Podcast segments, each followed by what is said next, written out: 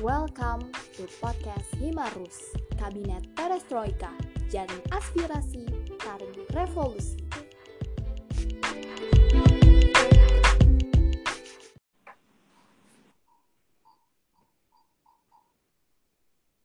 Привет, друзья! Добрый позалovat на podcast SPI Himarus. Ya, bersama saya Atira Salsabila dan rekan saya Ya, Skill Daniel yang akan menemani malam atau siang maupun sore kalian semua.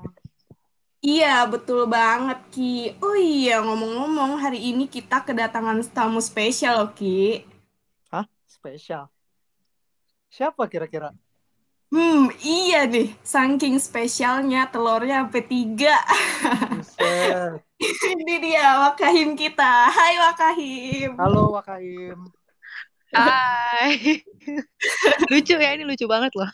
Boleh dong. Hai, Lucu kan kita? Ah, boleh dong sekarang. Lumayan lah dari 10. Ih, mantap ya. Mantap dong. Sekarang kenalan. Siapa sih Wakaim kita ini? Dan dari angkatan berapa? Kira-kira jomblo nggak, Ses? Waduh. Ini siapa nih yang kenalan? Aku ya? Iya dong. Oke, oke. Eh, Privet, Druzia, hai semuanya. Aku Ulu Nafada di Hati dari Sastra Rusia 2018. Sekarang lagi jadi partnernya Abian sebagai wakil ketua himpunan Sastra Rusia tercinta kita yang paling keren se-FIB ya. Hmm, Mantap. menurut Fada sama Abi tapi udah sih aja ya apalagi perkenalannya Eh, mantap ya. Dari suaranya aja udah jelas nih orang tuh keren banget ya nggak Ki? Bener sih. Kalau kita lihat, kalau kita perhatikan ya. sosmednya aja itu nggak pernah sepi gitu loh. Selalu Gila rame. banget. waduh waduh di stop nih Emang keren banget sih. Aduh. Nah, masuk aja nih ke interogasi kita ya. boleh banget. Nama kabinet nama kabinet kita kan perestroika ya, Sesra ya. Ada gak sih cerita di balik cerita di balik penamaan itu tuh, Sesra? Oke jadi tuh eh, aku sama Abian kan eh, apa ya dalam akademik cukup pintar banget gitu kan ya Mantap jadi tuh Oke. ketika disuruh Iya gitu kan. Pokoknya kita lah berdua paling pinter se-Sastra Rusia 2018 gitu kan. Nah, pas disuruh ngomongin nama kabinet tuh kayak aduh stuck banget gitu kayak aduh apa ya Bi pakai nama apa ya kan kalau yang dulu-dulu kan ada yang bikin sendiri terus pakai eh, istilah ada yang pakai nama tokoh gitu terus ada yang bahasa Indonesia gitu kan terus kita lihat Hmm. hima-hima lain juga gitu terus sampai akhirnya ada ide dari salah satu orang yang paling pintar juga ya jadi urutan paling pintar di Sastra Rusia 2018 kan tuh Abian, Fada. Nah, dari orang ketiga ini nih yang paling pintar Oh, ini nih. Nah, Gokil, gokil. Gokil banget. Jadi dia ngasih nama kan. Gimana kalau nih perestroika nih gitu. Terus kita mikir "An- anjay, keren banget gitu kan. Kayak wah iya nih boleh banget nih dari filosofi. Maksudnya dari perestroika sejarahnya sendiri juga apa ya? menggugah gitu kan. Dan Betul. adalah nilai-nilai yang akan kita ambil dari sejarah perestroika tersebut gitu. Nah, kalau eh, ada yang penasaran siapa orang ketiga yang pintar ini namanya Atira Salsabila. ya, dia Oh. Atira tuh ketiga pinternya. Mantep banget ya si Atira ini. Ya, soalnya Yo, ih, nomor dua Fada baru nih si ketiga nih si Atira nih keren banget. Dapat aja idenya Aduh. perestroika. Jadi makasih banget ya buat Atira yang di luar sana, gila. Nomor tiga dari belakang kayak si Atira nih sebenarnya. Hmm. Sip. Dari atas. Speechless ya Ya gitu aja sih. Mantap sekali, Sestra. Nah, jadi gitu ya, Druzia, filosofi nama Kabinet Himarus. Oh iya, Sestra, kalau boleh tahu, Jogdes Wakaim tuh apa aja sih? Waduh. Ini nih. Ini kayaknya kalau sibuk banget gitu loh. Iya, kayak capek buat lihatnya deh. Oh, Aduh, capek nggak ya? Oke, job desk Wakahim. Eh, sebelumnya kalau job desk Wakahim sih sebenarnya kalau secara basic sih standar lah ya, sama seperti wakil-wakil pada umumnya gitu kan, kayak ya mendampingi, nggak mendampingi ya, ya menjadi partner lah, partner dari ketua gitu kan. Terus uh, membantu ketua segala macam kayak gitu kan. Nah, tapi kalau dari Abian sendiri, dia tuh gayanya tuh nggak kayak gitu gitu. Jadi kalau Abian tuh uh, seakan-akan apa ya? Seakan-akan aku sama Abian tuh di satu garis gitu loh, teman-teman. Hmm. Uh, so sweet banget gak sih Abian? Jadi kayak nggak feodal gitu loh. Mantap banget ya. gitu kan. Mm-mm, jadi kalau dari Abian, dia baginya tuh Abian yang uh, ngehandle teman-teman departemen eksternal, sementara aku yang departemen internal. Nah, departemen internal ini ada seni, SPI, uh, eh, Adkesma, Soskem, Sarpras, wait satu lagi. Eh, udah ya? Lima ya gue? Udah, iya. Oh, teman-teman SPI. Gak lupa ya saya. Jadi gitu aja sih job desk-nya paling maksudnya kalau di Himarus jadi pembagiannya internal eksternal kahim wakahimnya. Gitu, guys. Oke sih. Berarti gitu ya, cukup menguras hati dan tenaga banget gak nih Sestra? uh, apanya nih? Aduh. Ya, semuanya nih. Lagi yang menguras tenaga dan hati nih. Jujur-jujuran aja nih boleh banget. Ya, Jujur-jujur ya pasti lah, tidak memungkiri gitu kan. Karena ya gimana ya, namanya pertama kali jadi wakahim gitu kan. Nggak iya, ada one on one-nya gitu. Nggak ada iya. buku panduannya gitu kan. Kadang tuh stuck gitu, bingung. Aduh, gue tuh harus ngapain ya gitu kan. Dan kayak kadang ketika aku mencoba apa ya, mungkin memberi saran atau kritik ke teman-teman staff atau teman-teman departemen internal tuh kadang tuh setelah aku ngomong itu ya di detik aku ngomong itu aku tuh langsung mikir kayak aduh gue tuh bener gak sih? Gitu. Jadi kayak uh, menurut gue tuh uh, lu tuh bener-bener di sini tuh aku belajar kayak gimana cara emang handle gitu kan. Karena kan di sini uh, namanya pemimpin gitu kan namanya leader pasti banyak orang yang bergantung sama leader itu gitu kan. Iya benar gimana cara kita memanage memanage uh, teman-teman kita gitu ya. Manajemen teman kita dan gimana kita juga tetap harus terus stay still gitu, terus bertahan, terus bertahan dan terus maju, terus melangkah maju sambil uh, mengikis segala rasa ketidakpercayaan diri kita, self doubt hmm. gitu ya, nah. terus segala keraguan kita gitu, segala insecure insecure apalagi cewek kan biasanya insecure oh. banget ya kan. Banget banget. Overthinking gitu. Yuk kalau Eki nggak pernah tuh dia overthinking tuh. Dia mah hidupnya slow ya kan Ki? Jadi Betul overthinkingin orang ya Ki ya kira-kira. Orang yang iya, overthinking aku Sastra. Oh iya. Ini mengingat sesuatu ya. gitu. Jadi ya. menguras hatinya karena karena ya harus harus memanage itu tadi memanage teman-teman dan harus tetap percaya sama diri sendiri harus tetap maju harus apa ya tindakannya tuh harus mikirin matang-matang gitu ya jangan sampai tindakannya tuh fatal merugikan yang lain ya gitu banyak banget sih yang dipikirin gitu yeah.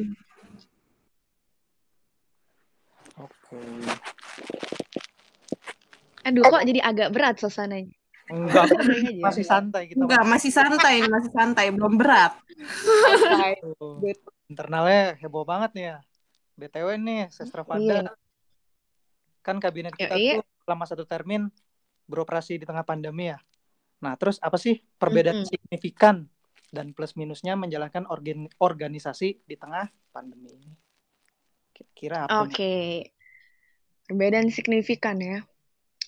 Um, mungkin kalau misalkan kita sebenarnya gini, sebenarnya kalau menurut aku pandemi nggak pandemi itu oke okay, secara teknikal memang itu signifikan gitu kan. Kayak kita yang biasanya harus biasanya bisa rapat di Hima gitu di Sekre Hima sekarang harus online gitu. Tapi menurut hmm. aku masalah uh, online nggak online ini atau sebelum dan se saat pandemi itu tuh kayak ya udah perbedaannya teknikal aja. Sementara yang lainnya tuh itu gimana kitanya gitu kayak etos kerja, kayak bertanggung jawab gitu ya, hmm. terus disiplin uh, itu tuh gimana kitanya? Ya kalau misalkan lo sebelum pandemi kayak gitu apa ya tetap bertanggung jawab gitu kan sama aja ya. Terus iya, ternyata saat pandemi itu tetap bertanggung jawab iya tetap berdisiplin gitu tetap suportif hal-hal yang kayak gitu. Jadi kalau menurut aku sebenarnya um, yang signifikan memang cuma secara teknikal aja gitu ya. Terus yang lainnya itu gimana kitanya, satu itu. Terus um, plus minusnya adalah kalau offline guys kita bisa bisa ketemu gitu kan, kita bisa lebih apa sih ketawa-ketawa gitu kan. Karena kan kalau misalkan online kita lagi ngejokes, ketawa-ketawa terus ternyata ada yang nge-like kan kayak ah, orang habis ngomong apa ya? kayak oke gitu kan. Gak nyampe gitu ya. Sering terjadi di rapat-rapat online kita juga kan teman-teman. Iya benar Iya, banget. Oke, next question. Nah, Gitu, ini kan eh, apalagi Boleh lah. pandemi kan berarti kita harus bisa memanage waktu dengan sangat baik ya. Terus gimana Yes. cara sestra untuk menanamkan kedisi- kedisiplinan di antara departemen ini? Oke, di antara departemen ya. Yuk, Mm-mm. Aduh, buka nih kita. Sepertinya kita membuka. Boleh lah. Bukan Tidak bukan ya, bukan Ini the nggak tea. apa-apa. Kita kan ini eh, spill spill aja ya, spill the lemon tea. Jadi, internal. Hmm. semoga nggak ada yang orang luar yang denger ya.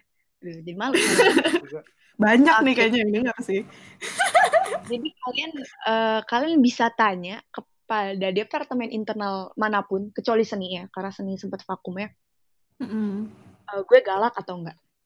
Ya Galak kan? banget Coba. ya. Enggak? Sekarang gue tanya ke kalian, gue galak atau enggak? Galak banget sih Sestra pada ini deh. Aduh, nggak main deh. Sakit banget dah. Damage-nya Aduh. kerasa. Susah sih dijelaskan dengan kata-kata itu. Iya. Bijak banget sih Eki emang. Main aman lu Ki. Oke, jadi gini, sejujurnya aku adalah orang yang gak disiplin. Aku adalah orang yang ceroboh, aku adalah orang yang eh, nggak apa ya, nggak perfeksionis gitu. Maksudnya ya udahlah kerja bukan seadanya, tapi sebisa saya, ngerti nggak? Ngerti? Jadi kan kalau seadanya, ya udah gitu aja. Tapi sebisa aku kan, ya batas bisa aku kalau misalkan lebih tinggi, lebih lagi moodnya bagus, lagi bisa, gitu kan ya bakal bagus banget kayak gitulah. Nah, gimana cara nerapin disiplin ke departemen adalah sebenarnya susah karena dari diri aku sendiri juga eh ya aku kurang disiplin lah orangnya gitu. Nah, tapi kalau ke departemen tuh jadi aku mikirnya gini, ketika lo udah berkomitmen, sebenarnya yang harus dipahami adalah why. Jadi adalah eh, dari kata why itu kenapa itu kita bisa ke mana-mana gitu. Maksudnya pertama nih, kenapa lo mau masuk Himarus? Kenapa lo mau kontribusi di Himarus? Dan kenapa lo mau bertahan di Himarus gitu kan? Nah, Mm. aku tuh pengen eh, ini tuh tertanam di eh, departemen-departemen di teman-teman gitu kan. Jadi gimana sih caranya? Ya mau nggak mau ya galak. Kalau aku, karena aku memang orangnya galak, terus ya galak banget gitu kan. Karena itu tadi, karena aku berpatokan di CY ini. Kalau lo udah berkomitmen, kalau lo udah mengatakan ya untuk bergabung di Himarus, di Perestroika khususnya, berarti lo harusnya sudah sadar akan tanggung jawab lo. Ya gitu kan Betul. sadar akan tanggung jawab lo, lalu sadar akan eh, job desk lo. Nah, kita kerucutin lagi. Sadar akan job desk lo, lo terus lo harus sadar bahwa lo harus koordinasi dengan departemen lain mungkin, dengan eh, dengan gue sebagai wakahim, dengan kadep gitu, dengan banyak orang yang ada di satu Himarus ini, di Perestroika ini. Jadi menurut gue gitu sih. Nah, jadi gue pengen teman-teman tuh, jadi setiap gue evaluasi gitu ya, setiap gue meeting sama teman-teman depart- departemen internal tuh gue selalu mengatakan itu. Dan sebenarnya ada satu prinsip gue gini. Jadi kalau misalkan lo udah nggak suka, udah nggak nyaman sama Himarus, lo boleh tinggalkan Himarus. Hmm. Gitu. Itu prinsip gue. Kalau misalkan lo nggak suka, udah out aja gitu. Jadi jangan apa ya? Jangan setengah-setengah lah kalau kerja. Daripada bekerja Apa? setengah hati gitu ya. Iya. Daripada bekerja setengah hati, betul. Apalagi karena gini, konsepnya adalah kita bekerja yang eh, apa ya? bersama orang yang bersama orang lain gitu. Dan pekerjaan lo sekecil apa pun itu berpengaruh ke departemen-departemen lain gitu kan. Berpengaruh akan perekonomian ini, akan Himarus. Jadi ketika lo tidak menyelesaikan job desk lo, ketika lo tidak bertanggung jawab gitu ya, itu akan berpengaruh juga kepada departemen-departemen lain gitu. Jadi aku selalu ngomong itu tuh di setiap meeting, setiap evaluasi ya kan, apalagi ke SP ini. Ah, banget. Kita Nggak main-main. Kita konsep dari awal kita bangun SPI dan gila sih sekarang Ah, mantap aku ya. SPI. Boleh tepuk tangan dong guys. Prok prok prok. Prok, prok, prok. Tangan banget buat SPI gitu. Terus tapi sama departemen-departemen lain juga galak banget. Orang HP ini kan ada ada yang cerita ya katanya. Kak Fada galak banget sih gitu. Emang Ini siapa sampai ya? ada yang trauma nih. Sampai ada yang trauma ya katanya. Bapak lah, Aduh, maaf ya guys. Trauma. Tapi jujur, ya? aku tuh galak kayak gitu tuh bukan berarti aku merendahkan kalian. Aduh, sama sekali ya, aku nggak punya pikiran kayak gitu karena di sini kita sama-sama kerja dari nol gitu. Malah aku tuh berterima kasih karena kalian udah mau bertahan di sini gitu kan, udah mau bantuin aku gitu. Jadi Mm-mm. kalau misalkan aku galak tuh cuma kayak apa ya? Karena aku pengen kita maju gitu. Kalau misalkan aku nggak ngingetin, aku nggak evaluasi, ntar kita eh, ngaret lah, ntar kita job desk tidak terpenuhi, goals-goals kita tidak tercapai, ntar kita nggak jadi hima terbaik se-FIB.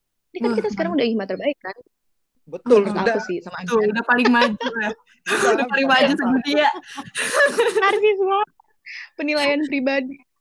Aduh, tapi gitu sih. Aku mohon maaf ya sekalian mau mohon maaf juga nih. Boleh nggak nih ada sesi maaf-maaf nih? Boleh, boleh, boleh banget. Sekalian ya. Oke nggak sih? Wow, ini ya, maaf ya rumah aku di gunung soalnya. Kalau di Google Earth nggak ketahuan rumah aku. Oke, Sampai nggak ke detect map ya. iya nggak kedetek di map saking jauhnya ya. Oh ya, aku tadi ngelanjutin sekalian mau minta maaf ya sama teman-teman yang pernah kena ya marah Siraman. ya. Mungkin Siraman rohaninya Sastra Fada.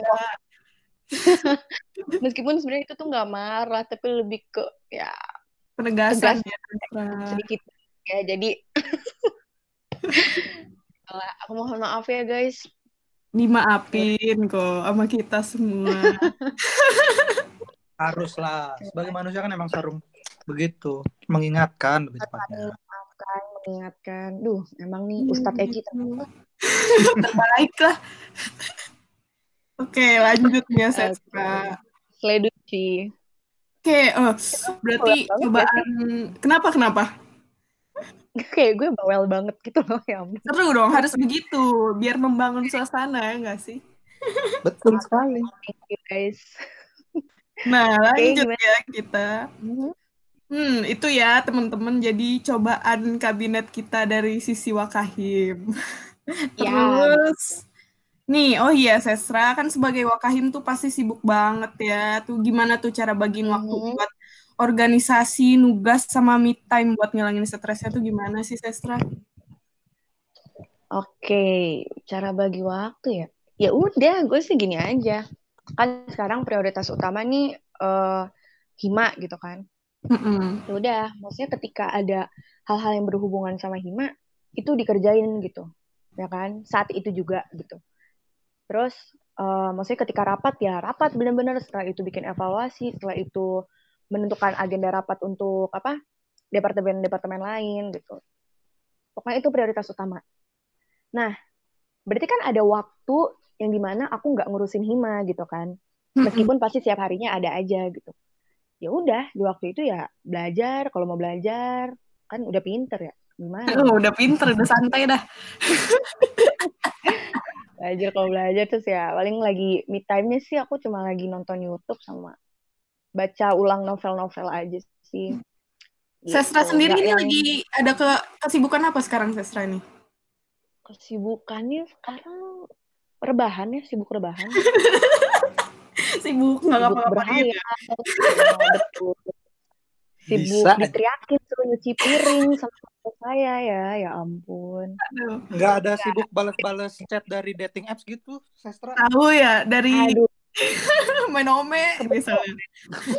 setelah saya berbincang dengan Yeheskel Daniel, udah saya delete ya aplikasi itu. Oh iya, nggak apa-apa, emang hapus aja. Langsung ya, immediately.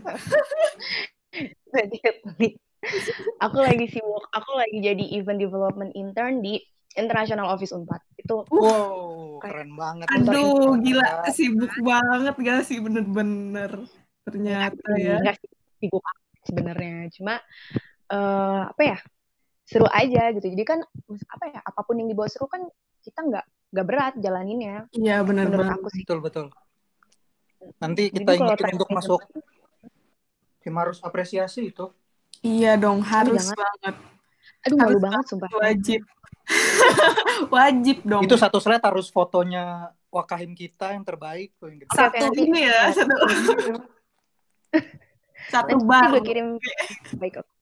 Ya kita omongin nanti aja ya. Oke sip. Eh, gitu. Kalau time management secara iya secara apa ya? proseduralnya gitu nggak ada sih aku cuma gitu aja Hmm, Karena udah refleks aja gitu ya Sesra ya. iya betul Tapi denger-denger Sesra nih ada kesibukan belajar bahasa baru nih kayak nih.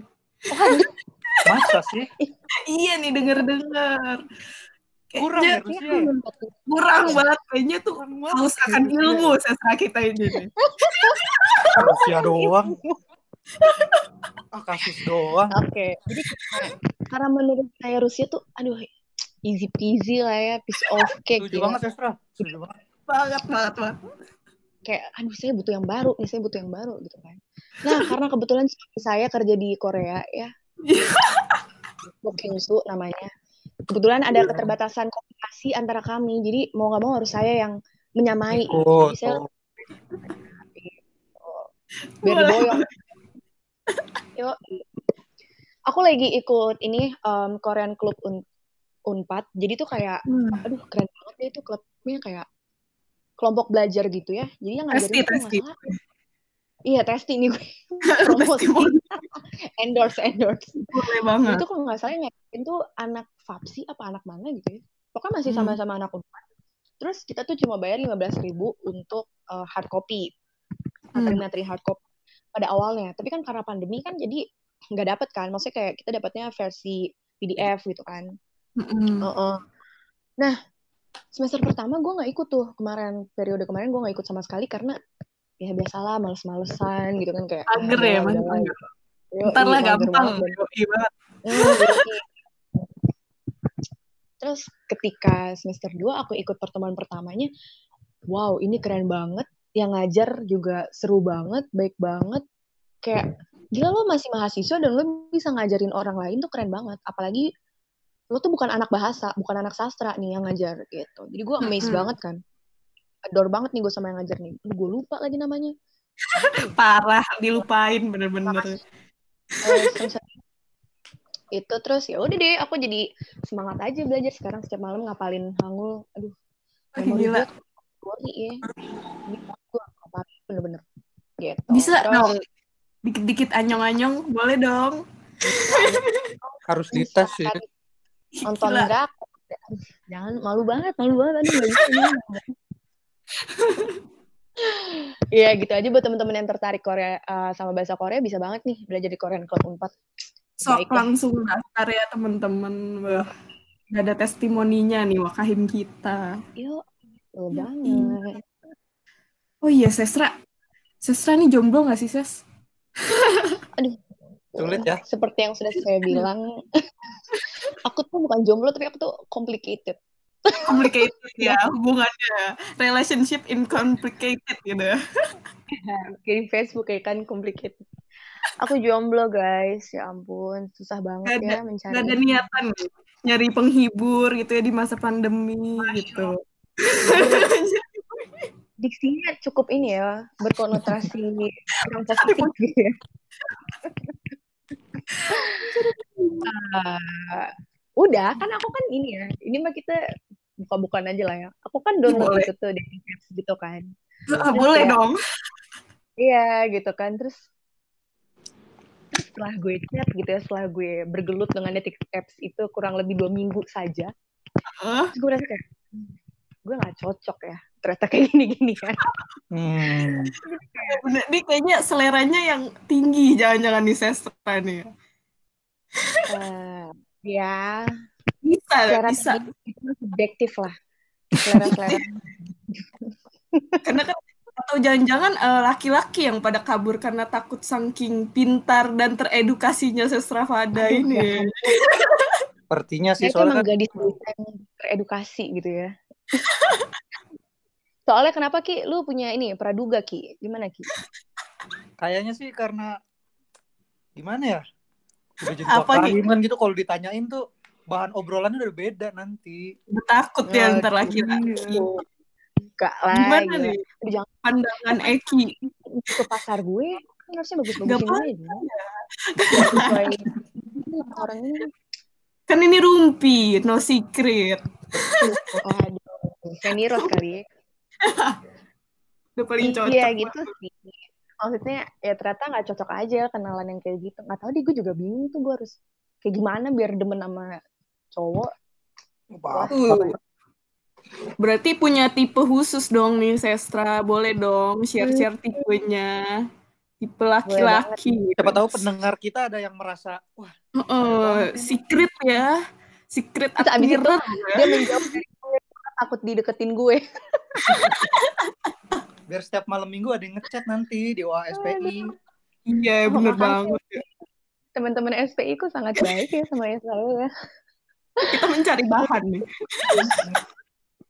Aku suka aku suka banget cowok yang pinter, cowok yang baca buku. Udah deh, lu mau baca buku apa pun demen aja gitu. Karena Oke. kalau pinter kan ya bisa diajak ngobrol apa pun ya.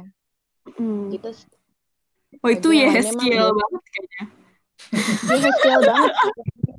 Si Haskell, Haskell ini udah nemu gitu kan. Jadi gue, ah udahlah gue mundur aja. Mundur alon-alon. Ah, Oh, guys. Gimana nih? Yeskiel mematahkan hati wakahim kita berani-beraninya. enggak kok, Oh, tapi kita masih sorry, berteman dengan sangat baik. Oh, masih ya.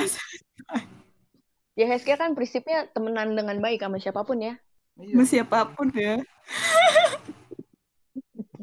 Saking Gitu. baiknya. Gue. Udah nih, masa begitu aja. Apalagi nih, kita tuh masih pengen mengulik ya kehidupannya Sestra ini yang sangat sibuk, yang misterius ini. Iya betul, Biar- soalnya kalau kalau dilihat-lihat tuh Sestra Pada tuh selalu di bawah radar gitu loh. Tiba-tiba Iya, naik, kan radar. sesuatu yang keren. Maksudnya gimana sih di bawah nur? Nggak takut saya juga gitu. gitu loh. Oh, oh iya sorry sorry. Supaya agak lolos internet ya kan. Apa apa apa. Iya, Sestra nih eh, boleh dong ceritain kan Sestra nih suka banget nih magang-magang dan pasti pengalamannya udah banyak banget ya. Aduh, aduh merendah lagi ya. Bahkan dari sebelum kuliah loh katanya. Hmm. Oh iya bener. Hmm. Oh my god. Iya, iya, sharing iya. dong Sestra kayak ngasih Oke. tips gitu. Boleh banget. Oke, jadi gini guys. Aku tuh dulu waktu lulus SMA, terus abis SBMPTN ke Jakarta buat magang di Trans 7, tepatnya di program TV OVJ, pada tau OVJ lah ya. Hmm, hmm, hmm. Eh, di tim kreatifnya. Aku sih masuknya karena eh, bukan karena aku pintar, karena aku terlihat menjanjikan gitu, apalagi lulusan anak-anak SMA gitu, bukan. Tapi karena sahabatnya papa aku kerja di situ. Gitu Hmm. guys. Jadi Oh. aku memanfaatkan nih. yes, tapi emang bener sih. eh, sebenarnya gini, masalah orang dalam atau nggak orang dalam itu memang cukup krusial ya. Tapi, Mm-mm. tapi hal eh, intinya adalah itu kan gimana caranya lo punya koneksi gitu kan. Sebenarnya ini kan Hmm. papa aku nih temennya udah dari zaman kuliah. Ya kalau misalkan papa aku udah putus kontak sama temennya ini dari lama, ya gue nggak bisa masuk dong ke trans. Hmm. Paham nggak? Benar, benar banget. Gimana kita menjaga hubungan baik sama orang-orang gitu. Aku belajar dari papa. Ya koneksi itu penting banget gitu. Gitu. Nah, terus kerjalah di trans magang gitu. Magang di tim kreatif. Tim kreatif itu job desk-nya dia yang bikin um, plot ya, plot cerita OVJ gitu kan. Terus uh, pokoknya semuanya dia background, properti dia yang nentuin, terus uh, wardrobe, semuanya jalan cerita gitu-gitu ya. Efek, efek, efek.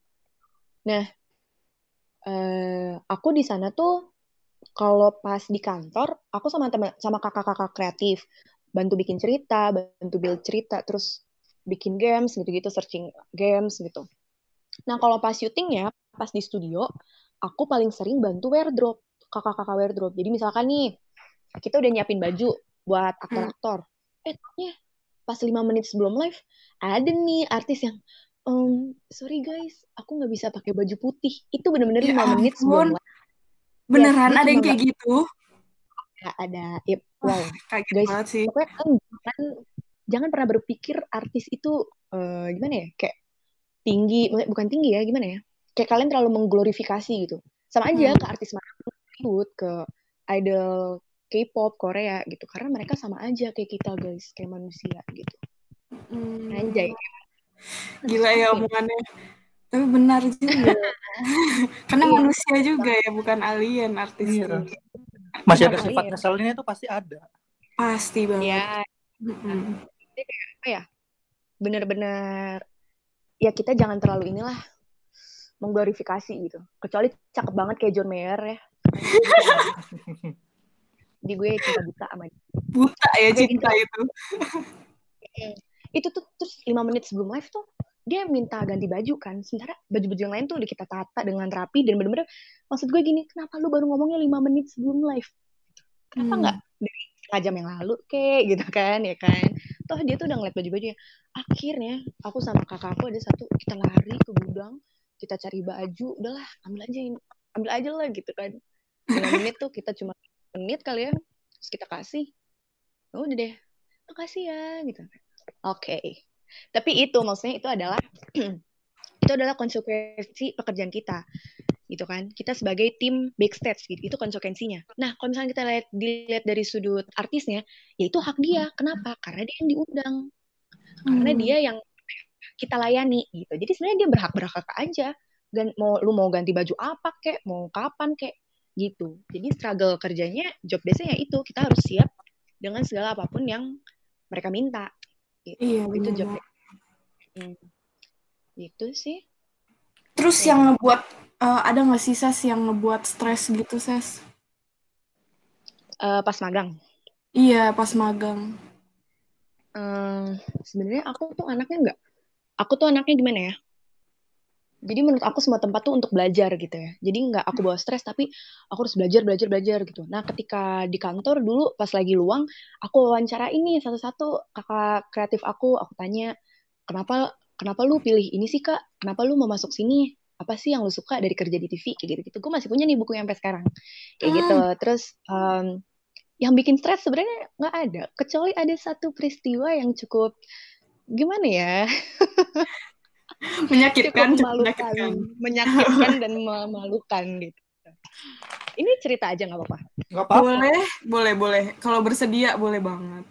oke jadi gini guys dulu tuh kan aku suka banget nonton bola ya Mm-mm. jadi tuh aku tuh dulu suka aku tuh paling suka Barcelona kenapa aku Hmm, suka. Barcelona karena adik aku suka Madrid jadi gimana caranya gimana caranya gue tuh harus selalu rival dengan adik gue gitu kan. Udah Bener-bener ya. Motivasinya. tapi iya.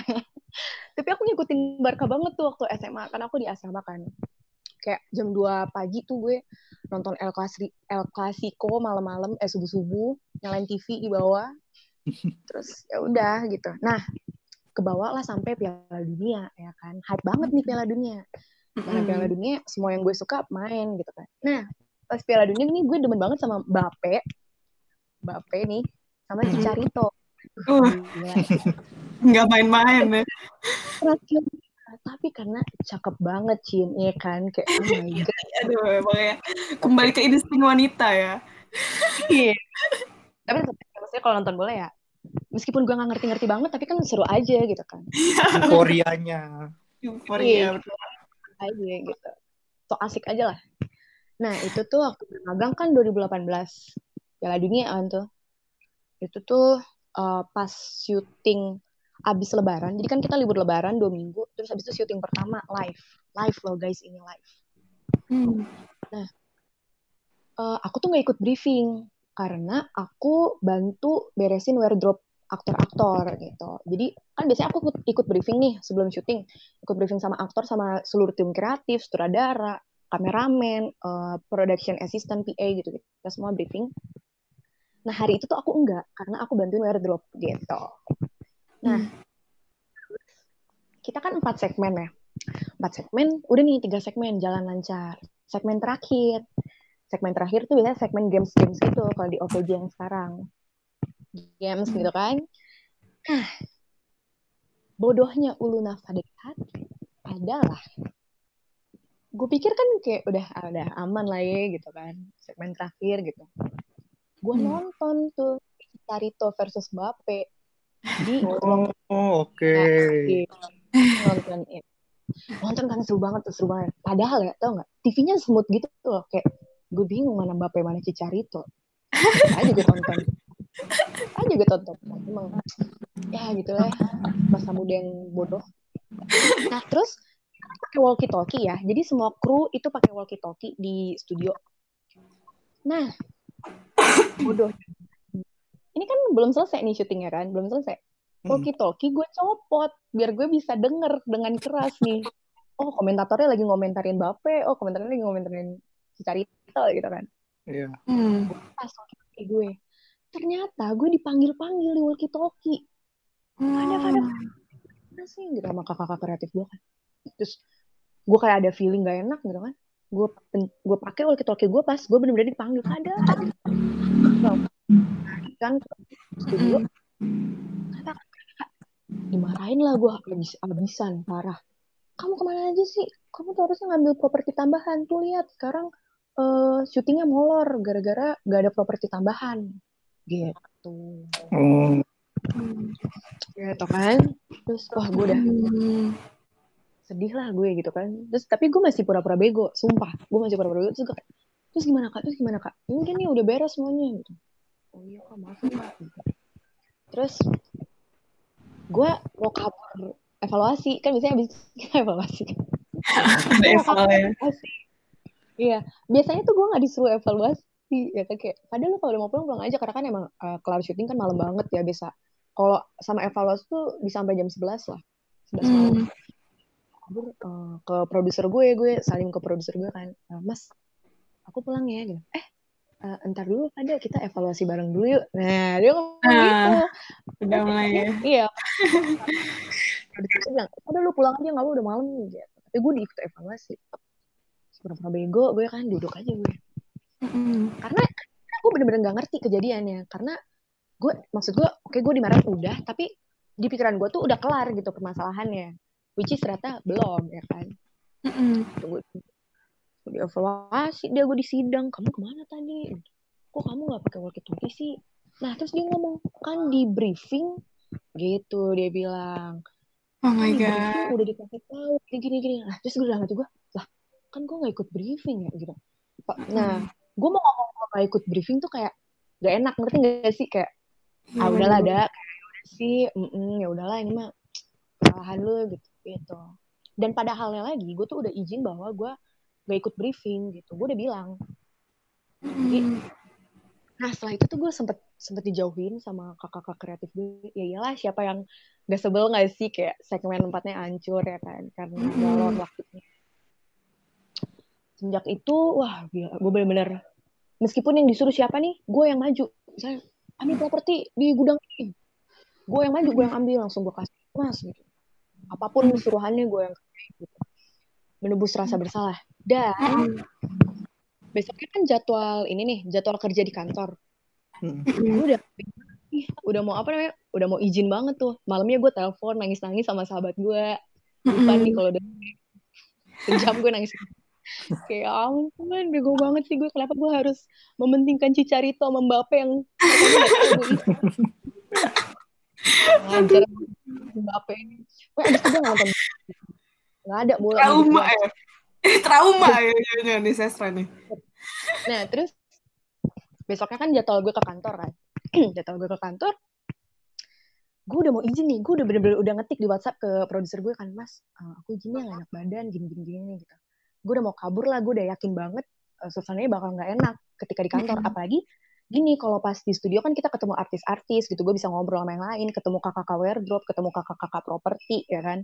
Iya. Kalau di kantor tuh kakak-kakak kreatif doang yang bener-bener lagi musuhin gue gitu kan. Bener-bener gue udah mau ngetik, udah mau gue send, terus gue hapus. Gue kayak, gak ada gunanya lo ke Jakarta kalau lo sehari izin kerja cuma gara-gara lo salah. Ngerti gak sih? Iya paham banget. Hebat banget. Gitu. Jadi setelah gue merenung, gue merenung, gue berangkat kerja. Gitu. Oh my Makanya god. Mas struggle is real berarti ya. is real banget. Apalagi gue masih SMA gitu ya, belum tahu kuliah di mana gitu. Mm-mm. Eh, gue benar-benar berterima kasih banget sama pengalaman gue itu karena itu cukup membentuk gue yang sekarang gitu gue tahu yang namanya dunia dewasa bukan dunia kerja tapi dunia orang dewasa. Mm. kayak gue pernah ada nanya kakak yang gue tanyakan kak lu kenapa mau kerja di TV terus dia bilangnya gini Hmm. karena hanya kalongan gitu. Lo ngerti gak sih? Kayak dunia dewasa tuh nggak nggak se nggak se apa ya? Nggak seperti mimpi lah nggak seperti apa yang lo hayalkan. Enak-enak bagus itu enggak. Bener banget. Mm-mm, kita dituntut realistis kita dituntut untuk terus maju karena mulai banyak beban yang kita tanggung gitu. Iya. kakak gue ini masuk TV ya karena memang saat itu yang buka lowongan hanya TV dan dia bertahan di situ. Gitu. Jadi gue kayak oke gitu kan. Terus gue belajar apa ya ya itu tadi.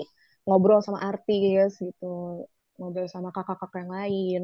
Apa ya social skill juga. Terus gue belajar buat itu tadi kesalahan gue bener-bener gak boleh ngelepas tanggung jawab sedikit pun tuh jangan deh gitu. Paham gak sih? Iya, paham apalagi lu banget. sekarang apalagi posisi lu cuma staff magang gitu. Harusnya lu bersyukur diterima di trans harusnya lu bersyukur. Malah nonton si dicari top PA gitu kan?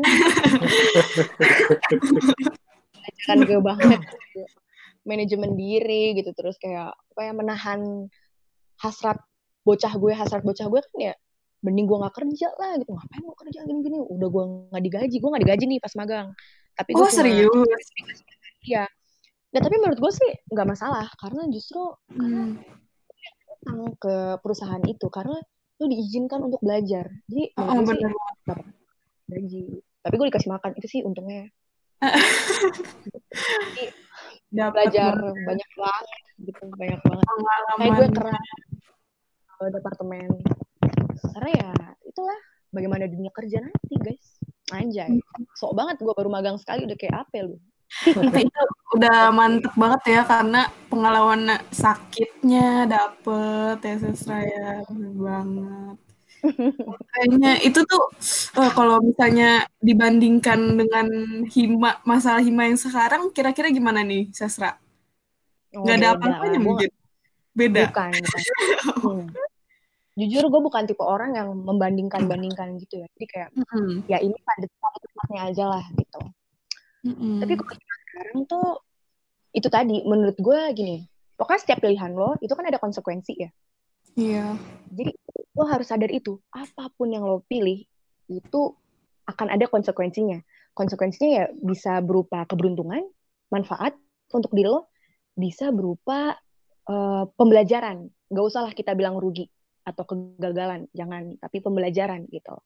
Mm. Ya itu konsekuensinya. Jadi eh, apa pun yang lo pilih, lo harus sadar akan itu. Nah makanya menurut gue apa pun yang udah gue pilih, eh, gue harus sadar bahwa konsekuensinya itu tadi. Misalkan hima, ya gue harus sadar konsekuensinya adalah gimana caranya itu tadi memanage teman-teman gitu terus sambil memanage tuh sambil lu tegap berdiri sendiri gitu loh kayak eh, apa ya itu tadi sih kayak harus terus maju sambil melawan rasa malas lo sendiri melawan Mm-mm. rasa insecure thinking hal-hal yang kayak gitu jadi kalau masalah berat nggak berat ya subjektif lah maksudnya pada tempatnya aja sih menurut gue gitu sih Mm. Tapi tadi sempat Jadi magang ya kenapa?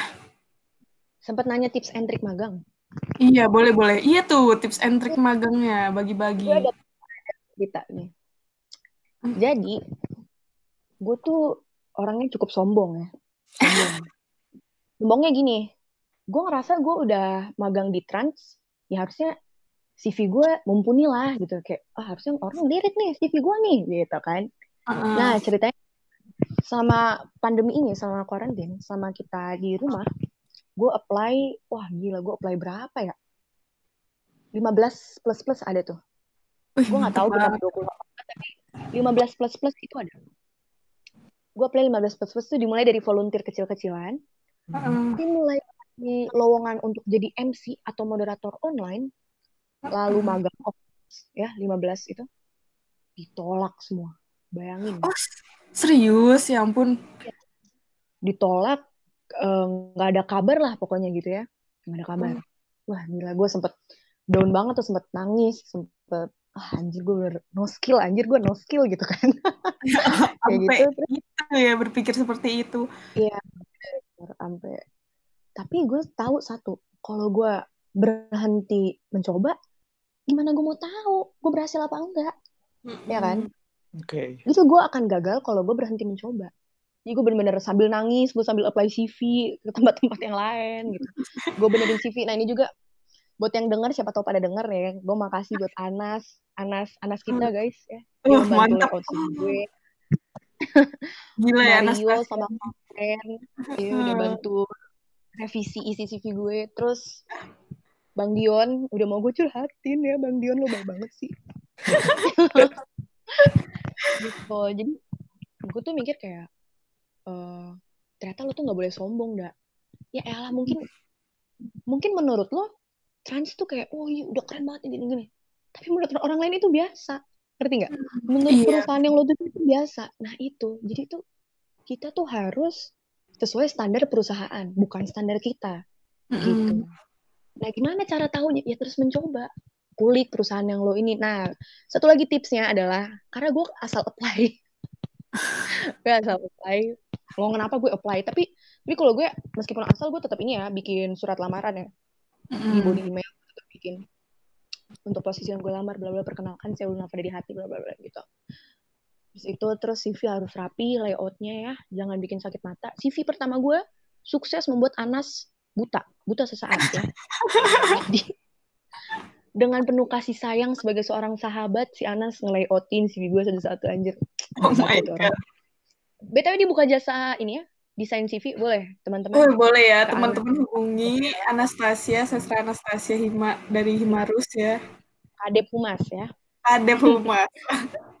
Sekalian terus- promosi. Apalagi ya tips and tipsnya eh tips and tips tips and triknya ya itu doang sih. Jangan pernah berhenti nyoba. Jangan Oh. pernah. Itu aja. Uh, banyak sekali ya kita dapet nih Ki pelajaran dari Sestra Fada. Wah, Betul. gila. Kata gue, Kalau- Yesus kan mau ngasih pelajaran. Kalau kita lihat Bapak dosen gue. Iya, kalau kita lihat timeline-nya mah kayaknya enak-enak aja, tapi kan kita nggak lihat perjuangan di Hmm. belakang itu. Perjuangan bener sampai nangis loh orang Iya. gini. Kita nggak tahu dia bahagia-bahagia aja ya kalau dari luar. Oh. Kita lihat kan, wah, terima magang, terima apa. Cuman kita nggak lihat perjuangan. Perjuangannya guys, makanya. Dan itu baru magang guys, belum dunia kerja. Jadi Betul. Aduh iya bener banget. teman-teman di sini sadar pokoknya kita emang udah lu pilih sastra ya? Cara belajar lu kayak apa kayak mau lu terserah lu malas-malasan apa gimana itu lu harus bertanggung jawab akan pilihan itu satu. Dua Iya. lu harus mikirin lu harus mikirin abis lu lu mau ngapain.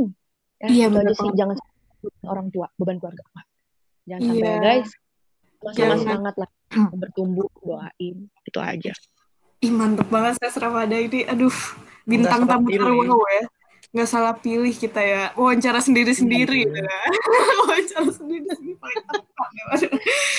Nah, jadi seperti itu ya teman-teman pandangan Wakahim kita soal Himarus dan sepak terjang sestra kita ini. Nah, buat yang terakhir nih, boleh Sestra, boleh dong minta kesan-pesan selama satu terminnya sama eh, harapannya buat satu termin ke depannya nih Sestra. Karena kan Oke. Himarus udah sangat maju banget nih. udah maju Udah hima banget. terbaik soalnya. Udah hima Hebat terbaik sih, Asia. tapi penilaian pribadi Penilaian pribadi. eh apa kesan pesan ya apa pesan Iya, pesan kesan-pesan sama harapan. Oke. Kesannya seneng, eh, terus ya? Seneng sih, seneng banget bisa berproses sama orang-orang keren, orang-orang gini ya. Menurut gue standar keren adalah ketika lo mau bertanggung jawab. Satu, ketika lo memilih, berkomitmen, lalu bertanggung jawab, lalu bertahan. Lo bertahan ya. Itu yang jadi buat teman-teman yang udah bertahan sama perestroika hingga detik ini, kalian semua orang keren. Uh, gue bersyukur banget, gue senang banget bisa bekerja sama kalian orang-orang keren yang maksudnya gini ya, gue tahu kan progres setiap departemen yang gue pegang gitu, terus staff-staffnya kayak gimana gue tahu dan sangat apa ya amazing gitu. Itu gue bersyukur banget. Pesannya uh, kita tinggal hitungan bulan Mm-mm. gue harap apa yang udah teman-teman pilih yaitu memilih untuk bergabung menjadi pengurus Himarus itu jadi pengalaman buat teman-teman, jadi pelajaran buat teman-teman. Dan jadikan tiga bulan terakhir ini tempat untuk terus bertumbuh gitu, untuk terus explore, untuk terus explore diri lo gitu, untuk terus kenalan sama uh, teman-teman pengurus yang lain gitu, terus explore apa ya? Itulah pokoknya. Dan untuk terus bertumbuh. Itu sih menurut gue kita harus bertumbuh gitu. Harapannya hmm. sama aja sih sama kayak pesannya harapannya pesan. tadi. Semoga teman-teman tidak menyesal masuk Himarus dan semoga uh, Himarus Kabinet Perestroika bisa hmm, apa ya menjadi sarana untuk bertumbuh bagi teman-teman gitu. dan teman-teman hmm. merasakan dampak itu aja sih yang gue pengen ketika teman-teman memang merasakan dampaknya sebagai pengurus Himarus gitu hmm. dan gue minta maaf kalau gue banyak salah gue marah-marah gitu ya. Nadanya tinggi gitu. Itu semua uh, karena gue pengen yang terbaik untuk perestroika untuk himarus sorry untuk sastra Rusia penjajaran.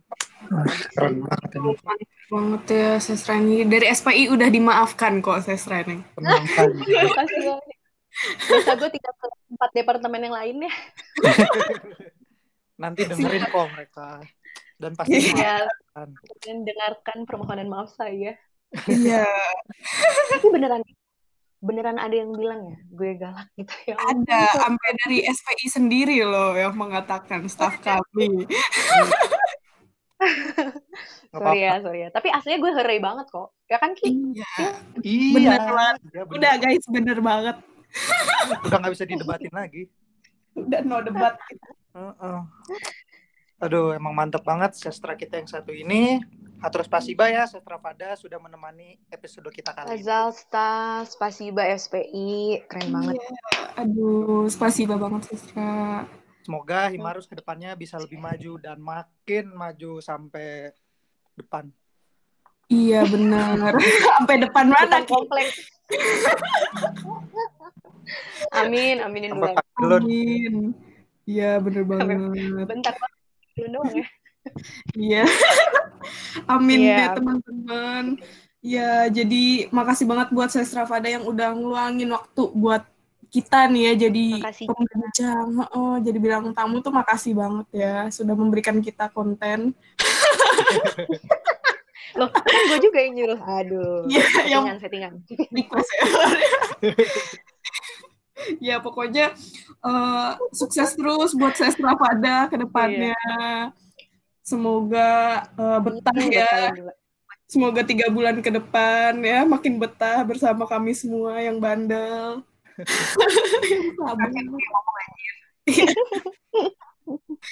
Ya begitu. Jadi kami sekarang pamit undur diri dulu ya teman-teman.